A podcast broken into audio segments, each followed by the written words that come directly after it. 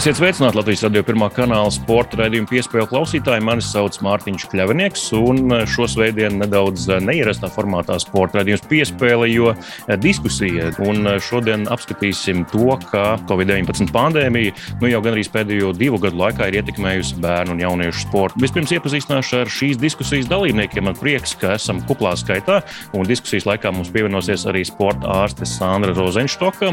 Šobrīd um, ar mums kopā ir izglītības un zinātnes ministrijas sporta departamenta direktora vietniece Anna Mičule.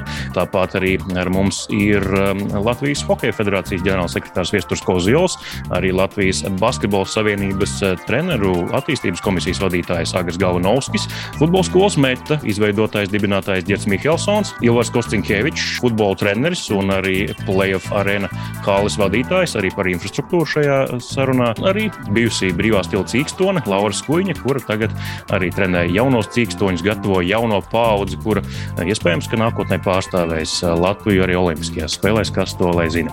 Sveiki visiem vēlreiz, un sāksim droši vien ar izglītības zinātnes ministriju.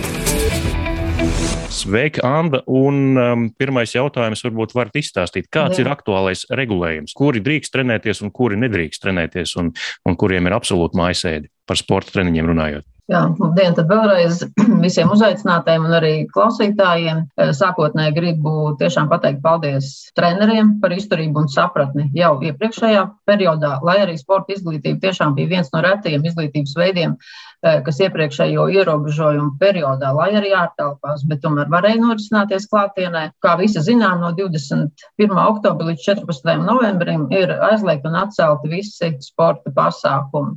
Jā, ir paredzēti izņēmumi, un tie ir attiecībā uz Startautisko federāciju, sporta sacensību kalendārā, iekļautajām sporta sacensībām. Noteikts arī, ka šis minētais izņēmums ir attiecināms tikai uz sacensībām pieaugušo izlašu sportistiem. Savukārt komandas sporta spēlēs arī junioru izlašu sportistiem vecumā no 16 gadiem.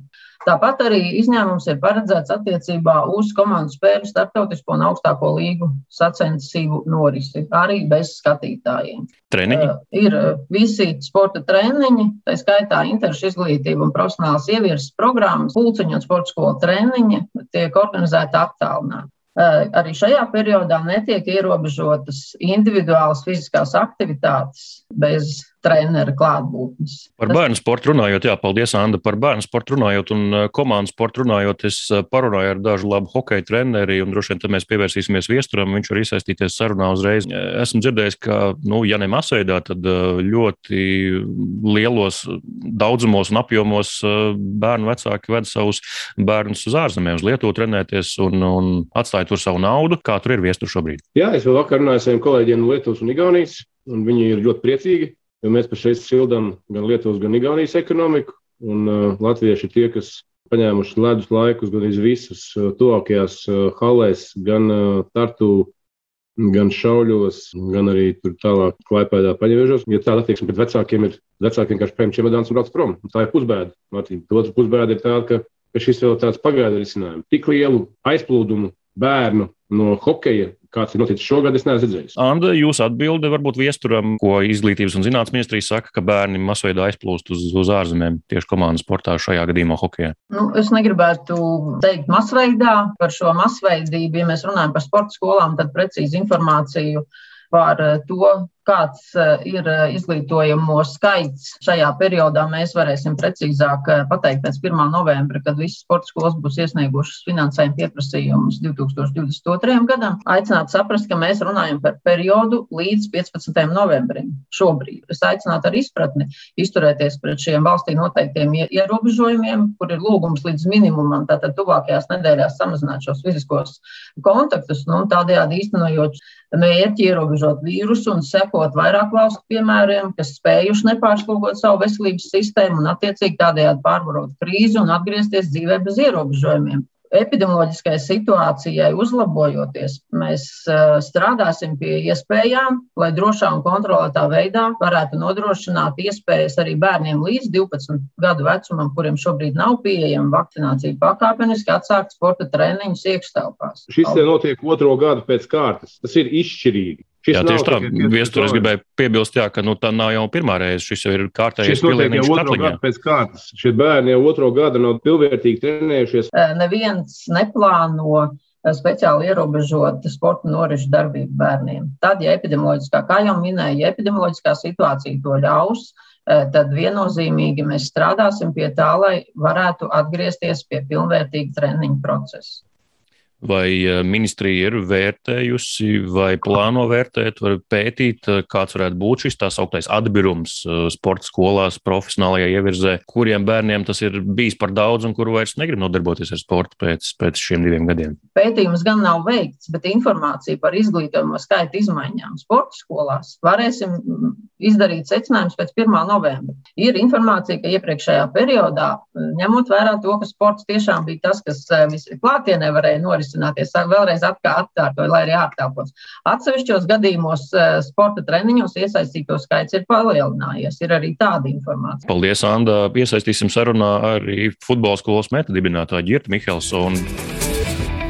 Ja viena no lielākajām futbola skolām Latvijā, kā tad ir ar jūsu audzēkņiem? Mazāk, vairāk? Labdien visiem! Gribētos mazu atkāpt pirms es komentēju tavu jautājumu, ka man šķiet, ka Lielais uztraukums eh, sporta cilvēkiem ir drīzāk par to, ka nekas pēc 15. novembra citādāk nebūs. Ja būtu droša pārliecība, ka pēc 15. novembra viss atsāksies, tad es domāju, ka mēs eh, būtu gatavi ciest, bet eh, šobrīd vairāk šis satraukums tiešām ir par to, ka tas varētu turpināties un mums tomēr ir.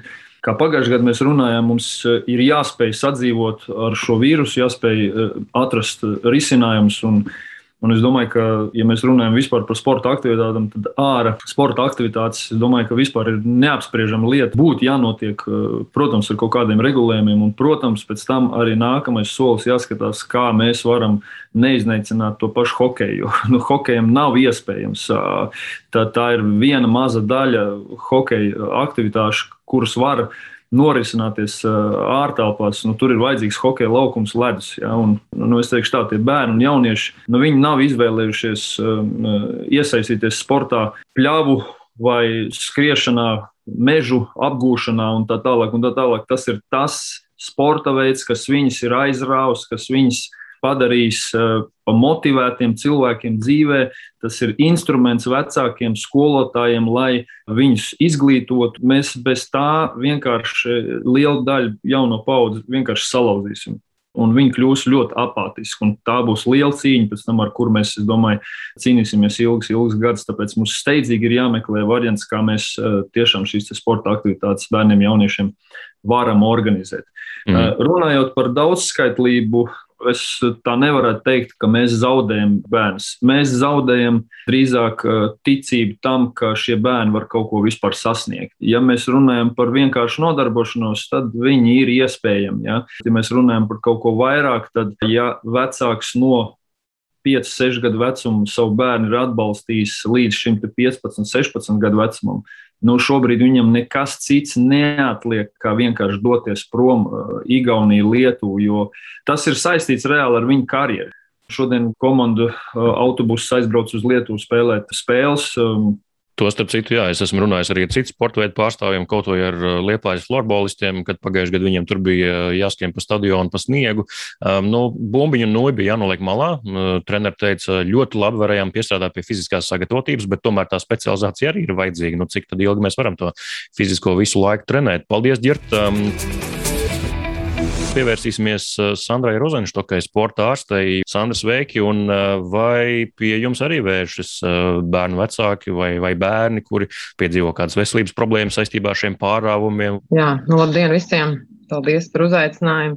Jā, man liekas, tās ir tādas aktuālas lietas, ko es arī sadzirdu treneru teiktajā, jo šī epidemioloģiskā situācija, kas mums ir, viņa ir tiešām ielgusi, bet bērnu un gribētu teikt, jauniešu pusauģu ķermenis jau turpina augt. Un līdz ar to pretīm nerodas pieprasījums, nerodas tā vajadzība sirsniņai attīstīties, elpošanas sistēmai attīstīties. Protams, ka tie, kas cenšas saglabāt šo fizisko formu, nu, jāsaka, es teikšu, ka daļai izdodas pat ielikt ļoti labu bāzi, jo tāpēc, ka nav šis augstais, augsts intensitātes sports, tad viņa attīstīja sirsniņu. Bet uh, diezgan daudz bērniem ir uh, apstājušies. Viņi nāk un viņu rezultāti ķermenis, piemēram, izaudzis tur 8 kg, viņš tur ir 6 cm garāks, bet uh, sirsniņa ir tikpat liela, tikpat daudz sūknē, cik pagājušajā gadā.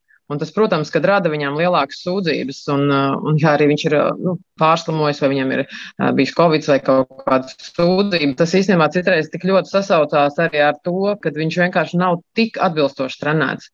Tas ir viens. Otrs, man liekas, ka tas sports arī ļauj saglabāt motivāciju. Pirmkārt, uz sasniegumiem, Protams, ka tajā pašā sporta veidā tas arī ļoti labi, bet arī motivācija iesaistīties jebkuras skolas aktivitātēs, mācīties. Un uh, tas, ko es uh, novēroju, šeit mazliet pieskāršos arī profesionāliem sportistiem, jā, kad arī tiem, kuriem bija diezgan lielas iespējas, viņi pat varēja trenēties, arī viņus testējot ar uh, šiem lieliem slodzes testiem, es novēroju, ka viņu rezultāti arī ir 10-15% sliktāki tikai tāpēc, ka viņi zina, ka viņi trenējas, bet viņiem nebūs jāpielieto. Paldies, Sandra. Jā, iesaistīsim arī Agri Galvanovsku sarunā. Agri gan par šo aspektu, par jaunatni, jo pāraugāt arī jaunatni no Latvijas Basketbola Savienības pozīcijām, gan par treneriem, kas jau te iepriekš izskanēja arī no ģirta. Es runāju ar vienu vieglatlētīgas treneru Vēnspilī. Viņš teica, nu, viss jau ir labi, bet ne jau pandēmija ir vienīgā problēma. Arī treneru resurss visā Latvijā, īpaši jau vieglatlētikā, viņa gadījumā strauji noveco un gados pieredzējušāku speciālistu treneru iespēja adaptēties eh, attālinātiem treniņiem un pildīt eh, savu darbu šādā režīmā, tā arī ir sava veida problēma. Nu, es domāju, ka treneriem arī ir tāds izaicinājums laiks, ir grūti strādāt. Jā, basketbolā ir arī sava specifika, tieši tāpat kā hokeja ka mums ir vajadzīga tā sporta zāle. Un, ja mēs tur netiekam iekšā, tad ir diezgan liels problēmas. Nākamā lieta, piemēram, par pagājušā gadu runājot par situāciju, kad bērni nevarēja trenēties basketbolā. Es arī paralēli strādāju basketbola klasē, privātajā sektorā. Nu, situācija bija tāda, kad sākās stāra treniņi. Nu, mums ir apmēram 300 vairāk bērnu, 80 bērni vienkārši nenāca uz treniņiem. Vienkārši. Katrs bērns ir savādāks. Viens ir motivēts vairāk, viena vecāka motivē. 80 bērni nenāca uz treniņiem. Un tad, kad sākās atkal sporta zālē treniņš 40, no viņiem atgriezās, principā mēs esam 20% bērnu pazaudējuši. Jo reāli viņiem nav motivācija. Un skatoties uz bērniem, kā viņi trenējās ikdienā, jā, viņi cīnās, tie, kas ir palikuši sitās, bet viņi neredzēs to gala punktu, realizāciju. Nav spēles, nav turnīru, viņi nezina, kam viņi trenējās. Viņi psiholoģiski sāk vienkārši lūst. Ja pagājušajā gadā strādāju arī U16 izlases, talantīgi bērni vienkārši pateica, es beidzu karjeru. Mūsu sporta skolā arī divi puikas, divmetrīgi puikas, pabeidz karjeru 16 gados. Vienkārši zvanu vecākiem, kas notiek. Vecāks saka, es viņus vairs nevaru piespiest, viņi nevar saņemties, viņi sēž mājās, datoros, nekas vairs nenotiek. Es nezinu, šobrīd es atrodos Igaunijā. Mēs ar 30 bērniem aizbraucām uz Igauniju strādāt. Trīs reizes dienā mums ir treniņi, vismaz mēs dabējam to sporta zāli. Mēs runājam ar Igauniem kolēģiem. Viņi saka, jā, mēs varbūt aiztaisām skolas, bet mēs mēģinām saglabāt uh, sportu, lai bērni trenētos. Jo man tā liekas, ka tas ir loģiski, ka skola ir cieta, sporta skola ir vaļā, tad ir divi dažādi burbuļi. Un daudz treneru arī vienkārši It sevišķi tie, kas valsts uh, struktūrā strādā, un kā viņam naudiņa nāk, viņi nesapringst, viss ir kārtībā. Privātais skola ir grūti, arī hokeja daudz notiek privātie klubi, arī met ir privātais klubs. Viņiem ir jādomā, kā izdzīvot, kā strādāt, kā darboties. Infrastruktūras pārstāvis arī mums uh, šajā sarunā ir uzaicināts uh, playoff arena futbola halas vadītājs Ilvars Kostinkevičs, kurš arī vēl pavisam nesen trenēja bērnus futbolā un ir gal galā arī tēvs bērniem un redz to arī, kā viņa atvases uztver šo laiku. Sveiks, Ilvar, un uh, kas tev sakāms par iepriekš izskanējušo? Labdien visiem! Man meita, kurai ir 11 gadi, viņa trenējās jau divus gadus futbolā. Viņa tagad, kad uzzināja, ka viņai atkal būs Zoom treniņi, viņa vienkārši pateica, teica, es negribu trenēties. Tad, kad bija treniņš ārā, kopējā grupā, tad viņi bija priecīgi. Man pat nebija īpaši jāmotivē. Iztēlojos, ka tie daudzi bērni, kas tagad zūmā trenējās, viņi visu dienu jau nosēdējuši tajā dzīvoklī. Viņi tagad vēl arī tajā pašā dzīvoklī mēģina kaut ko trenēties. Nu, droši vien Sandra ļoti precīzi varēs ieskicēt, ko tas dara sirsniņai. Nu, ar, ar tādu maskustīgu trenēšanos, nu, droši vien lielas jēgas no vienas puses nav. No vienas puses ir labi, ka viņi tur izkustās un mazliet pavingro, bet tajā pašā laikā droši vien tāda attīstība attīstība pilnvērtīgi nenotiek. Esmu šo pēdējo divu gadu laikā ļoti daudz pats piedalījies, vadījis Zoom treniņus un arī redzējis, kā tas viss notiek. Nu, piedodiet, ja tam bērnam kādā svarīgā vecuma posmā, kurā ir svarīgs demonstrācijas moments, ļoti svarīgs apmācības un pēc tam arī kļūdas labošanas moments. Kāda var būt kļūdu labošana Zoomā, kur 20 bērni satiekās, kā nu kurš tur klausās, skatās, cik nu kurš ir ieinteresēts tur kaut ko darīt un nedarīt. Ja runājam mazliet, kas ir sporta infrastruktūra, šajā gadījumā man kā playoff arēnas vadītājam Mums uh, ir septiņi futbola laukumi. Katrs laukums ir 220 km2 liels. Pie mums septembrī, oktobrī jau sākumā trenējās futbola skolas. Viņi nāk, ir 8 līdz 10 bērniem futbola laukumā. Var izreikināt īri matemātiski. Viņiem jau pirmā kārtā ļoti daudz vietas ir, lai viņi varētu darboties. Neizmantojot ģērbtuves, mēs varam panākt to, ka viņiem ir gana droši apstākļi. Un, un es godīgi sakot, skatoties, ko tie bērni mazie zaudēs šobrīd, man reāli žēl. Jo, manuprāt, te var ievērot gan tos epidēmijas epidemioloģiskos apstākļus. Es domāju, arī citos sporta veidos to visu var panākt, arī basketbolā, arī hokeja un, un tā tālāk. Bet, ja es skatos uz tiem bērniem, kas te trenējās piecgadīgi, četrgadīgi, sešgadīgi, kuriem daudziem šī ir pirmā pieredze sportā, Un tad, kad viņiem forša treniņu vietā notiek nekas, vai nu viņi kaut ko tur mēģina darīt zūmā, tad tas iznākums būs ļoti bēdīgs. Un vēl viens aspekts bērniem, kam ir šī pirmā pieredze, ja lielāki puikas, lielākas meitenes var ārā trenēties, un, piemēram, Futbola Parks Academy, kurā es strādāju klubā, pagājušo ziemu pie mīnus 10 grādiem, visi arī maziņie bērni skrēja, 5-gadīgi, 6-gadīgi, bet tur varēja redzēt, tie, kas ir 10-gadīgi, tajos atbērums principā nenotika, bet kur ir 4-gadīgi, 5-gadīgi, kam ir pirmā pieredze, un viņi rudenī grib sākt trenēties, un viņiem jātrenējās mīnusos un ārā, mēs vienkārši reāli pazaudējam tos bērnus. Un viņiem arī, godīgi sakot, manuprāt, tiek sabiedrība sabojāt tā pirmā pieredze. Viņš nosalis ir pirmajos trijos treniņos, un viņu pēc tam dabūt atpakaļ sportā, vienalga kādā sporta veidā. Manuprāt, tas jau ir ļoti, ļoti liels izaicinājums. Jā, paldies, Ilvar, par tavu viedokli. Sandra, pie jums uh, vēlreiz, ja par profesionālo ieviešu runājām, nu tie, kur ir, kā jau Agris te teica, 16 gadnieki, kuri gatavojas kļūt par profesionāļiem, tie, kuri pat izturēs psiholoģiski un paliks sportā un kļūs par profesionāļiem, gal galā, vai tas nenozīmē, ka pēc gadiem desmit izlasē spēlēs eh, absolūti fiziski nekonkurētspējīgi, jo viņiem šis svarīgais posms būs iztrūcis. Viens ir tā fizioloģiska attīstība, ja sirds tilpumi un uh, plaušu tilpums un arī efektīvais. Tas jau nenozīmē, ka viņš to var iepūst, bet ka viņš spēs elpošanas muskuļi būs tik spēcīgi un spēs noturēt elpošanas ritmu un pietiekami dziļu tilpumu tieši funkcionāli, efektīvi, tā kā viņam slodzē to vajadzēs. Bet man jāsaka, tie bērni, pusauģi, kurus es redzu, kur atnāk līdz manim, tas ir, ir viens no svarīgiem aspektiem, ko es ar viņiem runāju. Es viņus tā arī tā motivēju. Redz, tev treneris tagad saka, uzskienam lēnos krosus. Es saku, tev tas jāskiem, jo tas tev dos to, to, redzi, tu tagad darīji. Un uh, pagājušā gadā tev bija tā, bet tagad tu esi to izdarījis, un tev tagad ir daudz vairāk, lielāk. Un tas īstenībā viņiem, es redzu, kā viņiem tajā mirklī spīd acis. Un tad, uh, protams, ka tehnika un taktika un tādas lietas, protams, ka nevar to zūmā. Es nezinu, vai video spēļu analīze treneri tik tālu dara un tā. Bet uh, noteikti iespējas kaut kādas ir, bet tehnikas attīstība, kustība pareizums sajūta, kā dara, ja, nu, tas, man liekas, ir tikai klātienē attīstāms. Un, un šeit es domāju, ka daļa noteikti to tehniku būs spiest pārmācīties no jauna un iemācīties, tā kā varēs tā kā ritīgi klātienē. Arī noteikti sadzirdēju treneru teikto par to tehnikas pamatiem. Un tas tā arī ir, kad uh, cilvēka ķermenis, ja šo veiklību, šo kustību koordināciju, ja tā jau ir jātīst no maza vecuma un jāliek uzreiz tādi pareizi pamati. Un tie bērni, kas tagad tiek tādā ziņā tā apdalīti, tam, kam ir dots, vienam ir dots fiziski vairāk, otram ir dots mazāk, bet tiem, kam ir dots vairāk, protams, tā ir viņa tāda ģenētiska priekšrocība, viņi noteikti tiks līdzi. Bet daļai es paredzu, ka varētu būt saistīts ar pārslodzes traumām dēļ tā, ka vienkārši kustība tehnika ir nepareiza. Laura Skuiņa arī pietiekami ilgi gaidījusi, lai varētu izteikties um, brīvā stila cīkstoni. Kādreiz pietiekami panākumiem bagāta, tagad apmāca arī jaunos cīkstoņus. Laura, tavi audzēkņus arī pirms pāris gadiem viesojos vienā no treniņiem, kur tu viņus aizrautīgi iedvesmoji un, un mācīji viņiem dažādas vingrinājumus. Kā tagad tas viss izskatās, kāda ir viņu motivācija? Labdien visiem!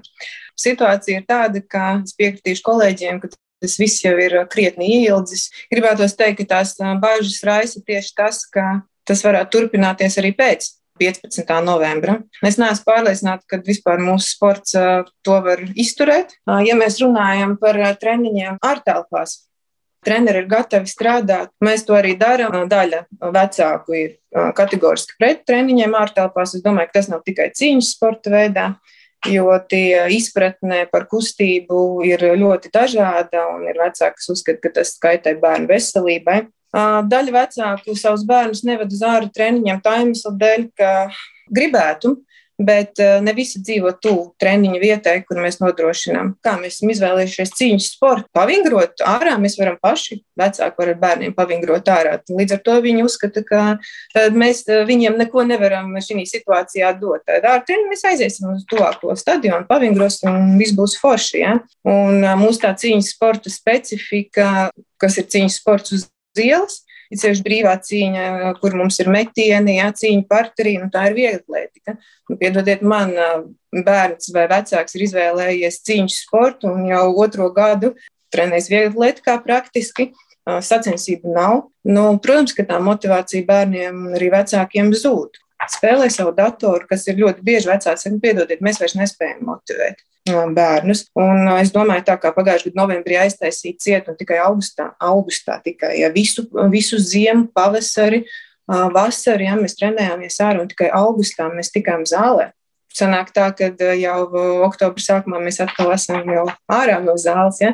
Es nezinu, ir ļoti grūti šos bērnus motivēt. Es gribu teikt, ka tā problemātiskākā grupa jau mums atkrita pēc pirmā 20. gada pavasara, un treniņu zūmā, nu, tas ir vispār tikai ļoti īslaicīgs variants, jo tas nav bērniem interesanti. Jā, tas nekādu mīlestību pret sportu neraisa viņos.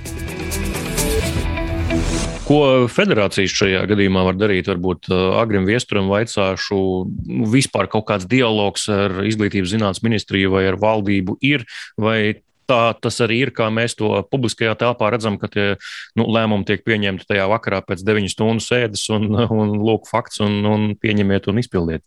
Tikā, Mārtiņ, es domāju, ka tā viss ir visi tāda milzīga nevēlēšanās iedziļināties tajā bērnu, mazo bērnu, mazo mūsu Latvijas Republikas pilsoņu pamatlietās. Es domāju, ka tā ir tāda arogants vispārēji, es būšu diezgan nežēlīgs. Un ar to esmu saskāries vairākas reizes diskutējot ne tik daudz izglītības ministrijā, bet vairāk slavenajā ministrijā, kas saucās Veselības ministrija, jo es nekad neesmu dzirdējis, ka viņi runātu par veselību. Es runāju, pamat problēma ir tieši šais cilvēkos, kuri dzīvo kaut kādā atrautā savā realitātē, negrib, nemāk iedziļināties, saprast, ka tā ir runa par mūsu valsts nākotni, par mūsu bērnu veselību nākotnē. Cilvēki, bērni kļūst agresīvi, apātiski. To jau mēs tagad redzam. Nu, neieinteresēti. Mums būs ilgtermiņā mums būs milzīgas problēmas valstiskā mērogā. Ja mēs to neatrisināsim tagad, ja mēs ar seju ne, nepagriezīsimies pret šiem maziem bērniem, neatradīsim, kā to darīt, nu, tas būs slikti. Visi mūsu runātāji teica,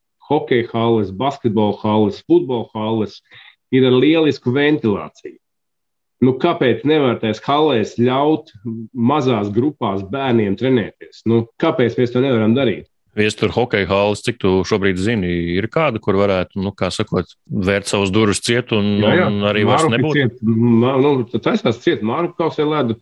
Mm. Es saprotu, ka Dagoplī ledus kausējās nos, tagad vairākas kalas, tagad ir jau ir aptver iespēja taisīt ciet kalas. Jā, Sandra, ir ko teikt. Sandra, pie jums kā profesionāla mediķa ir kāds pastarpināt, varbūt vērsies no valsts struktūrām, lūdzas padomu, kā varbūt kādus aizliegumus piemērot Jā. vai kā šos regulējumus labāk iestrādāt normatīvajos aktos? Es vadu arī Latvijas Sporta medicīnas asociāciju Latvijā, kas apvieno visus sportārs. Šī sadarbība ar Veselības ministriju, ar izglītības ministriju arī nav vienkārši, bet ar Veselības ministriju ir vēl sarežģītāk, jo Tad, kad uh, ir tikšanās, tad jā, un, jā, un fiziska aktivitāte un sports, un jā, tas mums ir svarīgi bet nekas, nekas neseko. Man liekas, ka arī uh, aizmirstās pat sporta definīcija, kas ir sākuma daļa, ja nerunāsim par otro daļu, kas ir panākums sacensībās. Sports ir visu veidu fiziskās aktivitātes veselības saglabāšanai un uzturēšanai. Es esmu dzirdējis arī šādus skarbus vārdus, ne no šiem ierēģiem, kas tagad strādā, bet, uh, bet kad uh, vesels cilvēks nav mūsu prioritāte. Man liekas, ka ir jāmaina domāšana arī ierēģiem, Jo mums vajadzēs atvesļoties arī no šīs krīzes, bet vispār uzturēt cilvēku. Cilvēki dzīvo ilgāk, cilvēku veselību un šī bērnu sports, man liekas, ir pamats, lai vispār būtu nu, kvalitatīva un uh, veselīga nācija. Mēs esam sportā ārsti ļoti nu, gatavi iesaistīties, bet mēs neesam nekad aicināti. Agri Basketbola savienībai, cik tu zini, ir kaut kāda saikne ar ierēdniecību, un varbūt uh, Kaspars Ciprus vai, vai Raimons Vējonis tur var kādu savu domu izteikt tā, lai to sadzird. Notiek komunikācija un sūtīt dažādu priekšlikumu. Arī mēs no basketbola klases dažādas priekšlikumus sūtām, bet principā sajūta ir tāda, ka tā vēstule nemaz līdz turienei nenonāk. Viņa neviens neizlasa, viņa tiek atmesta atpakaļ. Tas ir tā skumīgi, ka neviens mūs neuzklausās. Skolnieku brīvlaikā, pulkstenis 11 dienā. Saule spīd, skaists laiks un vienkārši tukšs laukums. Ja? Tāpēc šis uzstādījums, viņš vispār ir pat nemotivējoši bieži vien e, iet vispār ārā. Ja, un, un, un, un, ja, nevis pieņemt e, pieņēmumus, ja, un, un, un vienkārši aprobežoties ar citātu. Nu, jums taču neviens neliedz skriet pa pļāvu vai skraidīt e, mežā starp kokiem. Nu, kas mm. tie pa murgiem ir? Nu, nu, ja mums tādās kategorijās dzīvo un domā cilvēki vadošajās un atbildīgajās ministrijās, vadošajos amatos, nu, tas, tas, tā, tā ir katastrofa, ko mēs tālāk rādām kādu standartu problēmu risinājumiem arī savai jaunai paudzei. Es teikšu, tā šodien, šodien uz šo brīdi man nav risinājumu. E, nu, vecāki ir, ir kardināli noskaņoti. Viņi saka, nu, ok, pacietīs to novembri, sagaidīsim. Ja nē, nu, tad, diemžēl, nekas neatliks, kā iet tādā ļoti tomēr agresīvā protestā vai demonstrācijā ārā. Es teicu, nu, pagaidām vēl ķieģeļus neņemam, ja, bet tur ir cilvēki gatavi arī ņemt ķieģeļus roku. Nu, tā ir mūsu Latvijas nākotne. Ja mēs par viņu nerūpējamies, tad mums arī pašiem, kā iedzīvotājiem, manuprāt, mums nav vērtības nekādas. Sandra, nu, droši vien tas viss jau arī, kas nu, veļas par vecāku galvām, darbs no mājām, pašiem varbūt kaut kādas saspringtākas situācijas, līdz ar to darbā lielāks nogurums, jo vecākam varbūt nav tik daudz Jā. laika, lai uztaisītu pilnvērtīgu maltīti vakariņās bērnam un kaut kas, kaut kāda ātrās ēdināšanas um, risinājuma tiek likt lietā, un tad jau tā sniega būma sāk vēlties no kalna. Jā, jo daudz tiek atstāts uh, paša bērna izvēlē arī tā teikt maltīt, ja vecāks ir visu dienu sapulcēs un zūmā vai tīmā vai kādā no šīm programmām iegrims, tad bērns pasūta, nezinu, kādu picu vai ātro ēdienu. Bet uh, tā ir, jā, ka tās bērnu aptaukošanās risks pieaug. Latvijā bērni ar lieko svaru kļūst vairāk. Tāpēc uh, mums tāda fiziska aktivitāte, kā tas enerģijas otrkārt patēriņa palielinājums, ir ļoti, ļoti svarīga diskusijas noslēgumam atgriezīsimies pie Hokeja federācijas un viestura. Viestur, ir jums kāds plāns, tad, kad pandēmija nu, kaut kad jau tā cerams beigsies, veikt kādu pārskatāmu pētījumu, tad kas tad ir noticis ar Latvijas hokeja vidi, kā pandēmija to ir iedragājusi, cik mums ir bērni palikuši, kāds ir viņu fiziskais stāvoklis. Jums ir laba praksa, gal galā federācijā arī regulāri testēt bērnus fiziski. Jā, mums ir, mums Mārtiņa ir šogad mēs esam izveidojuši tādu datu bāzi. Visi, pilnīgi visi hokeisti ir reģistrēti. Mēs ļoti labi redzam šo spēlētāju kustību, kāda tā notiek. Un vēl es teicu, ja, ka šie spēlētāji burtiski, es, es nepārspīlēju, mēnesī brauc prom 10, 15 bērni. Kā, tas ir salīdzinoši ar tādu normālu laiku, kad nav pandēmijas. Ir ļoti daudz, jo mums parasti vienmēr bija tā, ka pie iedzīvotāju skaita, kas samazinās Latvijā katru gadu, Mūsu hokeja licencēto hokeja skaits bija palielinājies. Šogad tas tā nav. Šogad ir pretējs virziens. Bet uh, par to pētījumu runājot, nu, jā, jānāk kopā ar mums arī medicīnas komiteja. Ir. Arī medicīnas komitejā mēs esam pētījuši un skatījušies gan traumu teiksim, izcelsmi pēļu laikā. Protams, tā ir laba ideja, ņemsim vērā. Uh, ir jāpēta arī droši vien pandēmijas ietekme. Bet tas ir droši vien jautājums ne tikai hokeja, tas jau ir globāls jautājums, kā šī pandēmija, kā šis bērnu ierobežojumi atstāja iespaidu uz psihi, uz darba spējām, uz pozitīvu garstāvokli, uz tādu ilgtermiņa attīstību. Nu, man patīk tāda, tāda valstiska, laba saruna, kura man vienmēr ir pietrūkusi ministrijās. Nekad nav laika, ej, liecieties mierā, pagaidīsim.